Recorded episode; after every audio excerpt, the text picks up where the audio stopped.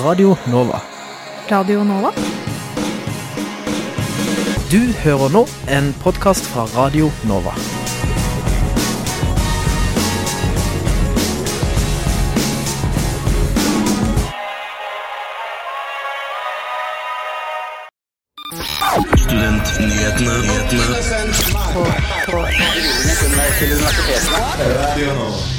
Velkommen til ny utgave av Studentnyhetene. Mitt navn er Marius Stenberg, og med meg har jeg Jeg heter Selma.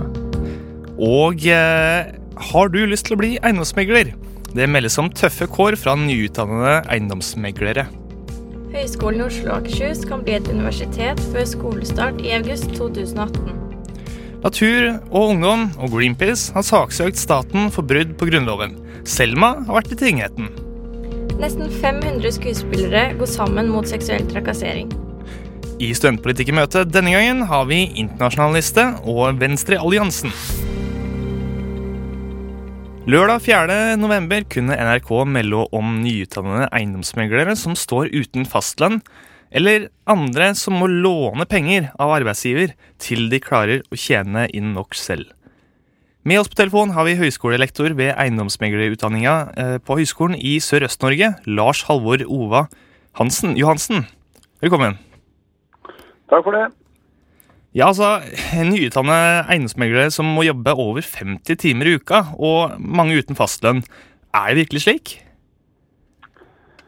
Eh, Dette er nok eh, veldig store individuelle forskjeller fra både foretak til foretak, men kanskje også særlig geografisk fra eh, landsdel og fra, fra landsdel til landsdel. Men det er nok en del sammenhenger sånn at mange eiendomsmeglerfullmektiger blir tatt inn i foretak og satt på arbeidsavtaler der det er store innslag av det jeg kan kalle prestasjonsavhengige momenter da, for å få lønn. Det vil si altså Du jobber på provisjon, og du, du må også rett og slett selge eiendom for å få lønn. Så det er nok mye riktig i det. Det er det. Ja, hvordan funker det at de jobber for provisjonen? Hvordan funker det? Nei, Det innebærer jo at du, arbeidsavtalen din sier det at den lønna du får, det er da f.eks. en provisjon, altså en prosentandel av, av det du klarer å bringe inn til foretaket. Så selger du en eiendom, så får et foretaket et vederlag, og så får du en prosent av dette vederlaget igjen. Vil si altså du har fravær av på en måte fastlønnselementer. da. Så Det betyr har du ikke eiendommer å selge, får du ikke noen å selge, og så tjener du heller ingen penger. Det er ganske tøffe forhold, eh, har mange, mange uttalt. Eh, men hvorfor skjer dette her? Nei, eh, hvorfor det skjer, det kan være litt uh, vanskelig å si. Altså, delvis så er det nok blitt en sånn uh, hva skal jeg si, nesten en slags kultur, eller ukultur muligens, ved at man, ved at man ansetter veldig mange fullmektiger, istedenfor å gi de en rimelig fastlønn. og la de få tid til å, å lære seg opp, så, så, ansettes de på kontrakter ved, ved, at de da må jobbe ved provisjon. Um, årsaken er kanskje at det utdannes for mange, kanskje det ansettes for mange. Så det er nok et litt sånn sammensatt bilde. Eiendomsmarkedet svinger jo også. Uh, så vi ser jo at antallet omsetninger, særlig nå i i 2017 og mot slutten av 2017 særlig går nedover. Så blir det færre objekter å, å, selge, samtidig som det er en gradvis økning i antall meglere i markedet. Da. Men Er dette et uh, et Oslo-problem, eller hvordan du holder ut til Telemark? Hvordan er dette i andre byer? Um, det er nok ikke bare et Oslo-problem. Uh, dette med kontrakter og den type uh, lønnsvilkår er nok uh, ganske vanlig mange andre steder også, men det er nok mer fremtredende i Oslo. I tillegg så er det sånn at mange studenter og mange unge meglere ønsker seg til Oslo for å, å jobbe, og dermed så blir det kanskje økt tetthet der. På bygda så ansettes det kanskje færre, og kanskje er mulighetene for å få litt oppfølging fra Eh, de andre på kontoret og hjelp fra kontoret større på mindre steder, det, det er kanskje en tendens man kan, man kan gjette litt på at det er tilfellet, i hvert fall. Eh, så det har nok en særlig tendens til å bli litt sånn over, overbefolka eiendomsmeglere i Oslo i de større byene, vil jeg tro. Men uh, hva er det man kan gjøre for å få bukt med dette problemet, da? Tenker du? Um, nei, det er jo ikke, det er nok ikke noen sånn veldig enkel løsning på det. Altså, En ting er jo altså at um, vi ser, vi ser bl.a. at BI, hva som er årsaken til at de gjør det, det skal jeg ikke uttale meg på BI sine vegne om, men vi ser bl.a. at BI har, har eh, kutta veldig inntaket på, eh, på, på eiendomsmeglerstudenter på første året. For noen år siden så var det vel godt over 600 studenter. Nå er det nede i, i 300. Så det betyr jo at eh, BI, som er den store aktøren her, de utdanner i løpet av de neste årene en del færre. Det vil jo kanskje kunne hjelpe litt. Når det gjelder det neste problemet, så er det jo også at det virker som at foretakene ansetter flere enn de har behov for. Og så lenge de ikke trenger å garantere disse noe fastlønn eller noe, noe lønn, så gjør de jo det relativt risikofritt. Så det innebærer vel at man kanskje, etter mitt ønske i hvert fall, at eiendomsmeglerfullmektigen i større grad skulle få fastlønn. Få tid og ro til å jobbe og lære seg yrket. Og så eventuelt da seinere, når de blir eiendomsmeglere, gå ut og, og jobbe mer på provisjon. Det får jo den konsekvensen at antageligvis er det færre i en periode som får jobb. Eh, kort til sist, eh, tre tips eh, til de som har lyst til å greie seg som, som nyutdanna eiendomsmeglere. Hva er det de skal gjøre for å få det til? Ja, det er ikke så, det er ikke så lett å svare på det heller. Det er, jeg, tenker, jeg, tenker at du må Jeg har den generelle filosofien at alt er mulig hvis du ønsker det. Da må du sette deg en målsetning, og så må du jobbe veldig hardt og veldig strukturert for å, for å nå det målet. Og Det starter tenker jeg, på studiet ved at du må jobbe bevisst med å lære deg fagene dine. Gjøre det på sett og vis det du kan. da, og Dette måles jo på studiet i karakterer. Det er ikke karakterer alt, men også strebe etter å få, få så gode karakterer som mulig. Når du kommer ut i bransjen, så må du jo da være villig til å jobbe hardt for å, å nå de målene du setter deg. Og Det handler jo da om bare å prøve, og da er det, da er det et mulighetenes marked der ute. Men det er klart, får du ikke penger, så er det vanskelig å lykkes. Og det er klart det at Da kan man også se på at denne eiendomsmeglerutdanningen er noe mer enn en ren eiendomsmeglerutdanning. Eller kan i hvert fall være det, i alle fall her ved HSN i Bø. Den er bygd opp rundt økonomi- og ledelsesutdannelsen vår, og det er altså mulig å, å få andre jobber enn eiendomsmegler med denne utdannelsen. Ja, Fint. Tusen takk. Vi skal følge med videre, vi. Fint at du kunne være med oss, Lars Halvor Ova Johansen. Jons, Jonsen, beklager. Lektor ved Høgskolen i Sørøst-Norge. Radio Nova er best. Alle andre er tapere. Radio Nova. Tirsdag denne uka blei det klart at, at Høgskolen i Oslo og Akershus oppfyller alle krava for å kunne bli et universitet. Dette melder høyskolen sjøl på sine nettsider. Høyskolen, høyskolen kan bli et universitet allerede til skolestart august 2018. NOKUT, Norsk komité for kvalitet i utdanning, valgte ut en sakkyndig komité som vurderte HiOAs søknad. Komiteen var på besøk både på HiOA Pilestredet og HiOA Kjeller. Mens de var på besøk, intervjuet de rundt 70 ansatte og studenter for å svare på spørsmål de fikk da de leste søknaden. Dersom eh, høyskolen eh, blir et universitet, kan Oslo bli den første byen i Norge med to universiteter. Eh, HiOA er landets største utdanningsinstitusjon på profesjonsutdanninger og utdanninger og utdanner kandidater til viktige yrkesgrupper i samfunnet, bl.a. innenfor skole, helse og sosialtjenester og teknologi. Og rektor sier til Krono at HiOA skal bli universitet for å heve kvaliteten i forskning og utdanning. Og kunnskapen og sitat, kunnskapen vi bringer videre til studentene våre, arbeidslivet og samfunnet for øvrig.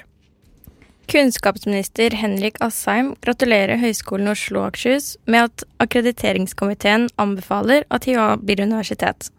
Han sier at dette er svært viktig eller at dette er en svært viktig milepæl på veien til å bli universitet. Du hører på Studentnyhetene. I 2016 åpna den norske stat opp for leting etter mer olje i Barentshavet. Organisasjonene Natur og Ungdom og Greenpeace mener at dette strider mot Grunnloven paragraf 112. Der står det at enhver har rett til et miljø som sikrer helsa, og til en natur der produksjonsevnen og mangfold bevares. Nå har organisasjonene saksøkt staten, og dette er den første klimarettssaka for Oslo tingrett og for Norge. Nå er vi i gang med Norges første klimarettssak. Natur og Ungdom og Greenpeace har saksøkt staten fordi vi mener at oljeboring i Arktis er i strid med Grunnlovens miljøparagraf. Her hørte du Ingrid Skjulberg, som er leder i Natur og Ungdom. Jeg syns det har vært et helt eh, formidabelt engasjement i denne saken. Vi fikk jo litt kritikk eh, for et år siden om at dette var en sak som ikke kom til å skape engasjement, men det syns jeg vi har motbevist. Jeg har snakket med leder i Greenpeace i Norge, Truls Gullofsen.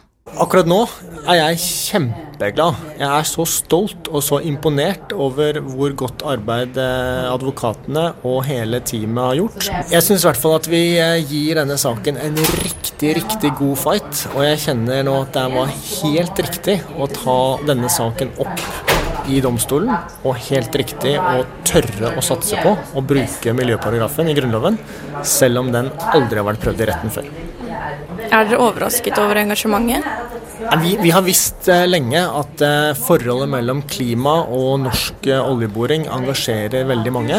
Men likevel varmer det fantastisk når hundrevis av mennesker står ute i sludd tidlig om morgenen på en arbeidsdag for å, for å følge norgeshistoriens første grunnlovssøksmål på miljøområdet.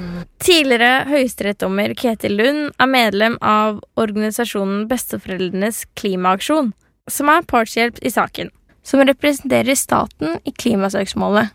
Klimasøksmålet er jo, som, som vi sier, altså det er jo siste sjanse eh, for å kunne rette på de politiske myndigheters tafatthet og manglende handlekraft. Det er jo slik politikere er, ikke sant. De ser de har kortsiktig tenkning frem mot neste valg, og det gjør at de simpelthen eh, ikke er i stand til å ta de avgjørelser som er nødvendige for å berge klimaet. Ja, Selma. Dette, du var jo i eh, rettssalen. Hvordan Ja. var stemninga der? Nei, stemningen var kjempebra. Eh, spesielt Natur og Ungdom og Greenpeace var jo veldig fornøyde. Det var det, men var det liksom For det er jo en veldig spesiell rettssak, liksom. Eh, Hva var det som skjedde der? Var det, hvordan, var, hvordan var folk? Eh, nei, altså Folk var egentlig i godt humør. Eh, det var ikke så veldig ikke så alvorlig som det vanligvis Nei, kanskje er i en Det var ikke så høytidelig som det kanskje vanligvis pleier å være. Eh, det var jo veldig mange som kom og så på. Det, så det var veldig gøy. Mm. Ja, vi får følge denne rettssaka videre. Den fortsetter, fortsetter, eh, fortsetter den.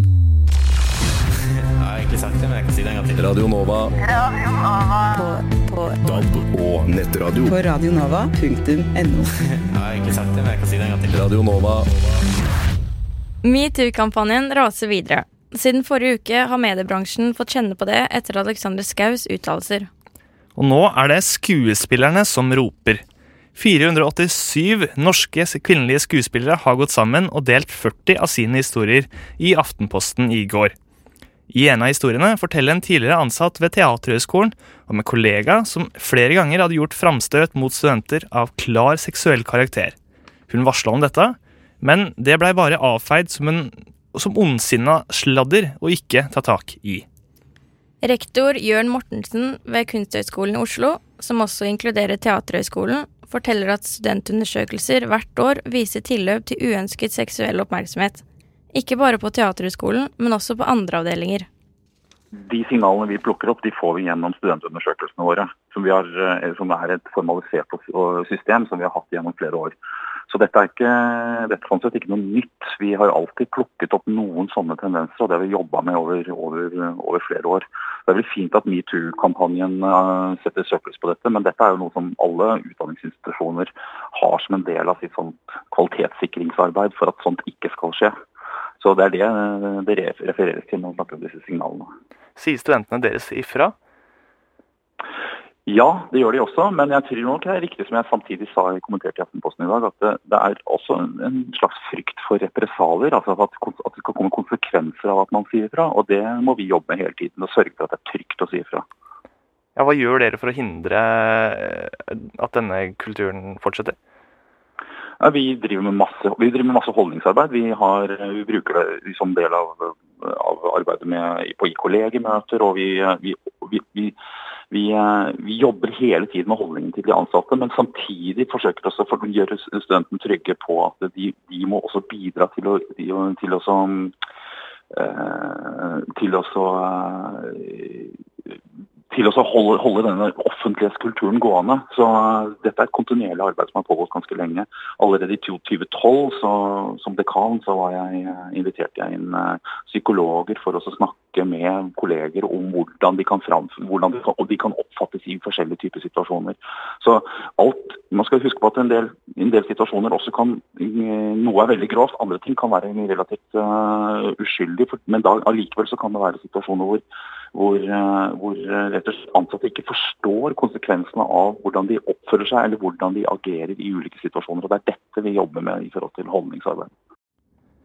Mortensen opplyser eh, til Aftenposten at de også har hatt saker som har ført til reaksjoner mot lærere mens han har vært tilknytta skolen.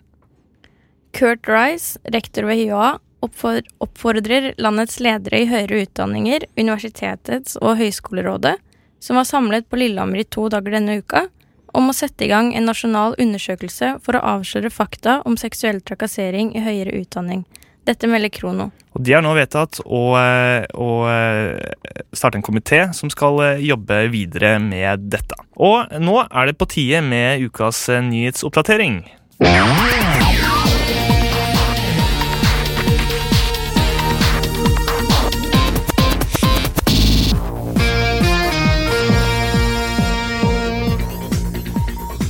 For to år siden ble en for to år siden ble en student ved Universitetet i Oslo beskyldt for juks og plagiat av programkoder.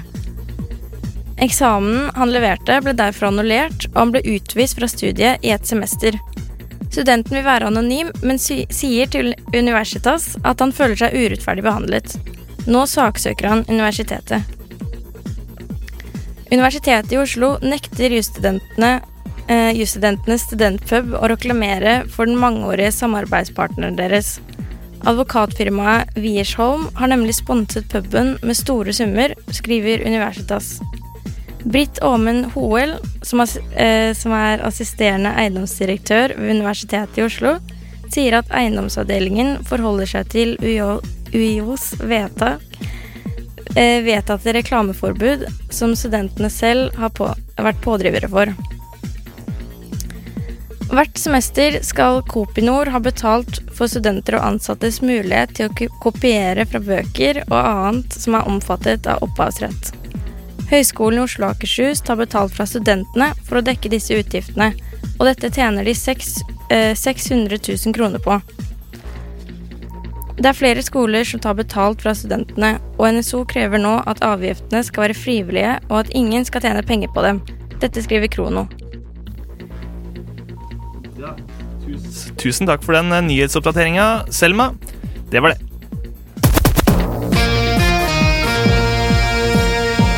Du hører fortsatt på Studentnyhetene, og eh, velkommen hit eh, til Tyler Barrett fra Internasjonallista. Ja, tusen takk. Og vi har også med oss Benjamin Ødegaard fra Venstrealliansen. Tusen takk. Aller først så skal vi snakke litt om utveksling. Hvordan er det å være utvekslingsstudent ved UiO? Og har UiO god nok faglig tilrettelegging for utvekslingsstudenter, Tyler?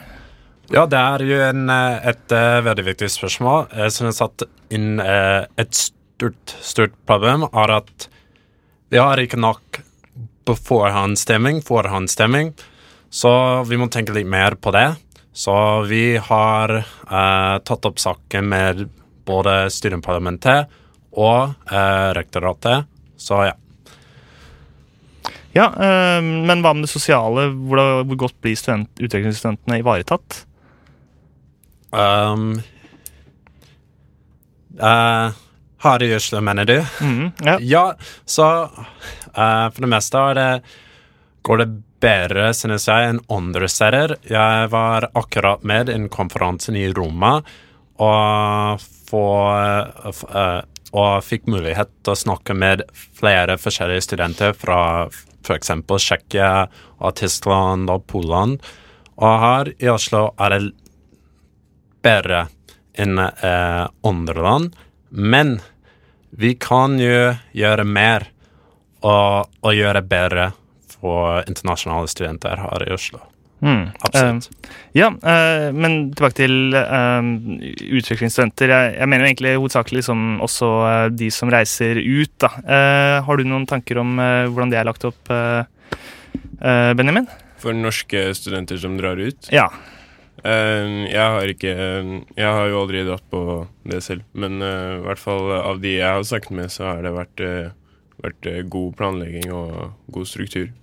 Yes, ja, men det er fint. Men da går vi videre til eh, neste tema, vi. Eh, Markus Pettersen Irgens fra Liberal Liste gikk i går ut i Krono med et ønske om at eh, UiO skal gå ut av NSO. Han syns ikke studentene får nok igjen for medlemskapet sitt, som tar 30 kroner fra semesteravgifta, og koster samla nærmere 2 millioner kroner for UiO-studenter. Er dere enige med Markus om det? Har dere satt dere noe inn i den eh, eh, saka?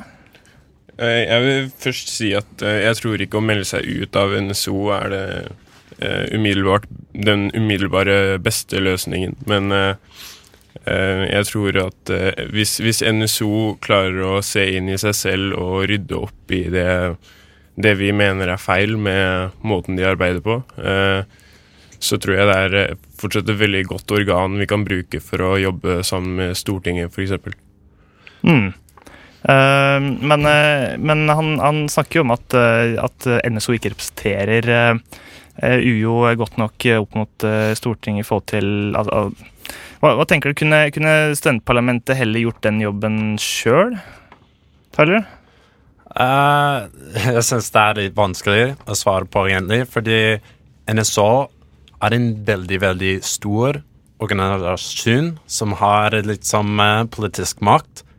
At jeg ikke er sikker at vi har i studentparlamentet akkurat nå. Så det er litt annerledes mellom de to forskjellige organisasjonene her. Du hører på Studentnyhetene. Er dere litt eh, stressa over eksamen dere òg, som alle andre, eller? Ja, mer eller mindre. Masteroppgaven min må eh, gå litt bedre nå, så ja, ja. man kan vel si det. Ja, riktig. Mm. du Benjamin, du er vel eh, Er du eh, fersk eh, som student, eller? Dette Ja, jeg er dødsfersk. Det er første året mitt nå på, på UiO. Første gang jeg studerer. Så dette er mitt første semester og første eh, universitetseksamen. Ja. Eh, så jeg er, eh, jeg er ikke veldig stressa, men, eh, men jeg er veldig spent på hvordan eh, det kommer til å foregå. Og så går du rett eh, inn og blir med i Venstrealliansen, altså for å, eh, for å lede studentpolitikken videre. Stemmer. Eh, jeg tror det er en viktig jobb. Er det noen saker som du er spesielt engasjert i, som, som, som du har lyst til å jobbe med som studentpolitiker? Jeg tror det viktigste på Spesielt på UiO Eller jeg tror det gjelder alle universiteter i, i Norge, men jeg tror det aller viktigste er å jobbe for at alle studenter er klar over hvor mye makt de har i, i sin studenthverdag. Uh, og uh, eh, og, og prøve å få demokratiet i, på universitetet opp på, på mye bedre nivå enn det der nå. Ikke sant, for vi har jo fortsatt en lav valgoppslutning. Den var på 17 eh, sist, eh, hvis jeg husker riktig. Eh, og eh, Tyler, du er jo, uh, du er jo, en, du er jo med i internasjonalista. Eller du er jo den ene representanten, da. Ja. Faste. Uh, hva er på en måte bakgrunnen for den lista som dere starta? Hva er det liksom som dere står for? Ja, så vi, vi står for mange forskjellige ting, men for det meste er det de som har internasjonale tenker. Så det er både internasjonale studenter som har kommet til Norge for å studere på utveksling eller på mastergrad, hva som helst. Men også eh, norske studenter som vil dra ut på utveksling eller vil ha et internasjonalt miljø på bunnen. Mm. Og det skal vi jo snakke litt mer om nå, for i oktober skrev Krono at eh, tallet på utenlandsstudenter i Norge har sunket med 501 på to år. Hovedgrunnen det er at eh, 254 færre studenter kom fra Afrika, og 100 færre fra bare Etiopia aleine. Og dette er resultat av eh, at kvoteordninga for utenlandsstudenter blei avvikla i 2016. Den skulle gi studenter fra utviklingsland kompetanse som kunne hjelpe hjemlandet eh, når studentene vendte hjem igjen. Eh, Da fikk de da lån og stipend som norske studenter, og, og får sletta gjelda når de drar, eh, drar hjem igjen. Er det uheldig at vi får utenlandsstudenter til Norge, Terje? Selvfølgelig er det det, men hva, hva hvilke konsekvenser har det, da? At vi har så få fra globale sør? Det har jo mange konsekvenser. For de som, som kommer fra globale sør, er Norge et veldig, veldig godt land å studere i. Så jeg synes at det er synd at dette har skjedd, fordi mange av disse studenter som har dratt tilbake til forskjellige land, uh, har spilt en viktig rolle ved oppbygging av sine institusjoner i uh, disse landene. Så eh, det, jeg forstår at det er jo noen problemer med opptaksprosessen fra studenter fra, fra, den, eh, fra, fra det globale sør, men det er absolutt en risiko vi må ta. Fordi jeg synes at det er svært viktig at vi har studenter ikke bare fra USA eller Canada eller England eller Tyskland, men også fra andre land som er lavinntektsland. Mm. Så ja. Men uh, hvordan eh, merker man det på universitetet? Har du, har du opplevd liksom at det, er, eh, at det er veldig vestlig, da, kan du si, og lite blanding? Uh, jeg kan si at det, det jeg har merka i, eh, i, på universitetet, er at uh, når jeg møter utviklingsstudenter, så er de enten fra USA, Tyskland eller Frankrike. Mens uh, Nå er jo dette mitt første år, men, uh, men det viser jo Den artikkelen viser jo til at det var en, i hvert fall en stor majoritet av, av hvis, det, hvis det går an å si fattiglandsstudenter i disse internasjonale studiene, som nå er eh, veldig tydelig vestlige studenter. Mm. Um, det er jo spesielt studenter da, fra det um, ja, uh, fattige sør, som man kan si. Eh, Det er jo ikke bare det, men som i lenge, ikke lenger har råd til å studere i Norge. Um, hva synes dere om at kvoteordninga er avsatt til fordel for satsing på BRICS-landene? Altså Brasil, Russland, India, Kina og Sør-Afrika? Tyler? Ja, så eh, den satsing på bruksland, eller panoramasatsingen, eh, det er jo bra.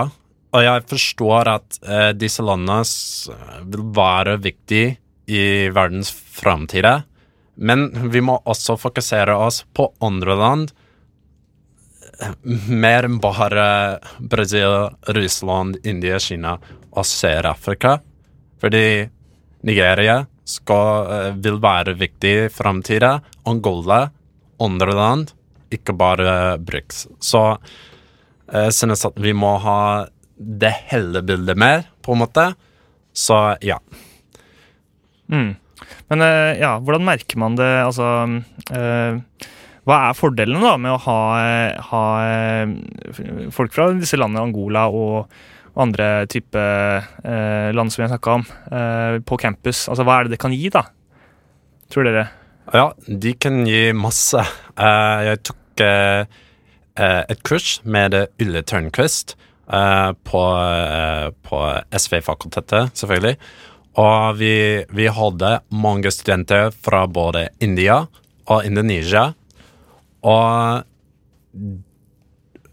disse perspektivene at jeg ble kjent med, er perspektiver som jeg ikke kunne ha fått fra vestlige studenter, for Mm. Mm. Hva er eh, situasjonen i India?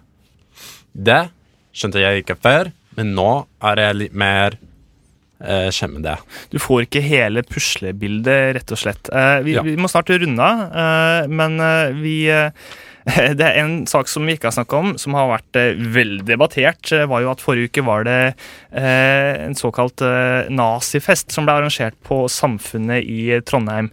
Der fem svenske jenter blant annet kom, kom inn og blei sjokka over å se bartendere i naziuniformer eh, og eh, lekepistoler og eh, Au- Au- Auschwitz-drink på menyen. Eh, samfunnet har jo beklaga og kalt dette en glipp. Og det var visstnok bartendere som fikk lov til å arrangere et tema med politisk ukorrekt, som kanskje kom litt annerledes ut enn det de fikk inntrykk av. da. Har, har dere noen reaksjon til det? Hva syns dere om, om at dette skjedde? Er det, er det på en måte lov å, å presse grensene litt, for, eh, eller er, det, er dette klart utafor det som er greit? For det, er jo, det, det var jo en, en slags humor innen dette her. Mm. Hva tenker eh, Benjamin? Har du en tanke? Eh, jeg tror, eh, tror at intensjonen var humor, men jeg, tror ikke den ble eh, tydelig nok eh, eh, understreka. Jeg tror det her var eh, Det, det virka veldig eh, innsiktsløst, og, og eh, det virka som det var lite kunnskap eh, om temaet eh, fra de som arrangerte det. Jeg tror jeg tror eh, uansett at intensjonen var ment morsom, men jeg tror ikke det var det som folk satt igjen med. Ja. Hvordan tror du Tyler, hvordan tror folk hadde reagert i, hvis dette var i USA? Ja, eh, selvfølgelig er, er eh, denne situasjonen i- i Trondheim noen at vi har eh, sett før i USA mange ganger. Det er ikke bare nazistene, men disse meksikanske fester, på en måte, eller andre ting som er lignende. Det er ikke bare innglipp. Det er noen vi må tenke på først. Vi må tenke på det. Eh, Jeg kan bare spørre hvordan eh, internasjonale studenter som studerer i Trondheim, hvordan eh, føler, føler de seg? Mm. Ikke bra. Tyske studenter, eller jød, Ja. jødiske studenter. Altså det, det er mange som sikkert kan Mm. ta seg nær av dette, og ha grunn til det. Ja. Vi så jo nå en, en marsj i Polen med 60 000 eh, eh, nynazister eller eh, nasjonalister eh, som marsjerte i gatene. Jeg tror det er eh, Jeg tror det er litt farlig å leke med, med et så hot tema eh, som ikke er død selv om, eh, selv om krigen er lenge siden. Mm. Ja. Ikke sant. Um, ja, men flott. Uh, det var egentlig det vi rakk for i dag. Tusen hjertelig takk for at jeg kunne komme. Uh, Benjamin Ødegaard fra uh, Venstrealliansen. Mm. Uh, Takk for at jeg kom. Takk for at jeg fikk lov til å komme. Bare hyggelig. Og Ja. Tyler uh, Barrett uh, uh, fra Internasjonalista Ja, tusen takk for det. Da skal vi uh, høre Pins uh, by, med Serve. Der, forresten så må jeg bare takke for hele sendinga, egentlig. Uh, du hørte på Studentnyhetene. Mitt navn er Mari Stenberg. Du heter Ja, eh, Selma.